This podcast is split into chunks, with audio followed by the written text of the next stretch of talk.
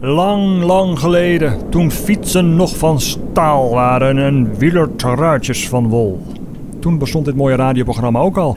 Radio Tour de France. Vanaf vandaag is Radio Tour de France 25 dagen achtereen in de lucht. Het is eind juni 1978. De Radio Tour luisteraars hebben hoge verwachtingen. Henny Kuiper en Joop Zoetemelk gaan mee en de Tour start in Leiden. Tot straks tussen 2 en 7. Dan zorgen Felix Meurders, Lex Harding, Ferry Maat, Jan van Veen en Joost de Draaier voor Pop op de pedalen in... Radio Tour de France. Theo Komen heeft zijn regenpak aangedaan. Hij rijdt op de motor door de kletsnatte straten van Leiden als hij plotseling langs het parcours van de proloog een oude bekende uit de oorlog Ik zit. was toen een jaar of 10, 12 en toen heb ik ontmoet daar thuis bij ons in het Noord-Holland, in de Noord-Hollandse Dreven, een zekere Jack van Dam. En ik kijk tegen een grijs hoofd aan en ik denk dat hij zou de Jack wel eens kunnen zijn. Zeg Jack, dat ben jij toch? Ja, Theo, inderdaad. Ik kwam vaak in de oorlog bij jullie om wat groenten te halen naar avond. Pop op de pedalen met Lex Harding in... Radio Tour de France. Sommige dingen moet je niet alleen horen, die moet je ook zien.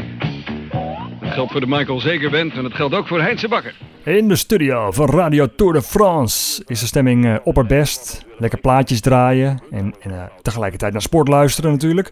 Maar in de Groenoordhallen in Leiden begint de teleurstelling ondertussen toe te nemen. Maar echt niet zo vreselijk veel, want het is een beetje een eh, ongedwongen toestandje hier vanmiddag. Dat had u allemaal al begrepen. Jan Raas wint de proloog. Maar door de vele regen heeft de tourbaas, Félix Levitan, besloten dat er niet om het geel gereden gaat worden. De gele trui gaat naar de eindwinnaar van een jaar eerder, de Fransman Bernard Thévenet. Het is voer voor Gerdy Kneteman. En het gaat over de proloog in, in Leiden. Wat dus uh, na de hand bleek dat het helemaal geen proloog meer was, maar eigenlijk meer een, eh, een spelletje van meneer Levitan. Die eh, denkt dat hij Jezus is, maar eh, die gelooft niet dat hij dat is, want hij had een baard en dat heeft hij nog niet. De lokale organisator André de Jong dreigt zelfs de Groenoordhallen op slot te gooien voor de start van de volgende morgen. Ik wil dat Raasje in de gele trui wegstart. En als Raas niet in het geel gehezen mag worden, blijft het Dan doe ik de deur niet open. Pop op de pedalen met Joost de Draaier in... Radio Tour de France. Goedenavond. En meneer Levertran, die bakt zo gelijk bruin gedaan. Hij is zo'n geel truitje, wat maakt dat nou uit? Het Lola Trio. om zes uur opsta ben ik schoon. Och, wat waren we met z'n allen sekkeneurig die dag zeg. Een dag later zijn de gemoederen in eh, Radio Tour de France trouwens wel bedaard. De karavaan is onderweg naar Parijs en juicht in de weken daarna in totaal 9 keer rood-wit-blauw. Nog 25 meter, de handen gaan omhoog. En daar is Henk Lubberding. Uitstekend gedaan, Henk Lubberding. Henk Lubberding vindt hier de tiende etappe in de Ronde van Frankrijk. En dan nog even een laatste flits uit de ronde van Frankrijk, Heinze Bakker.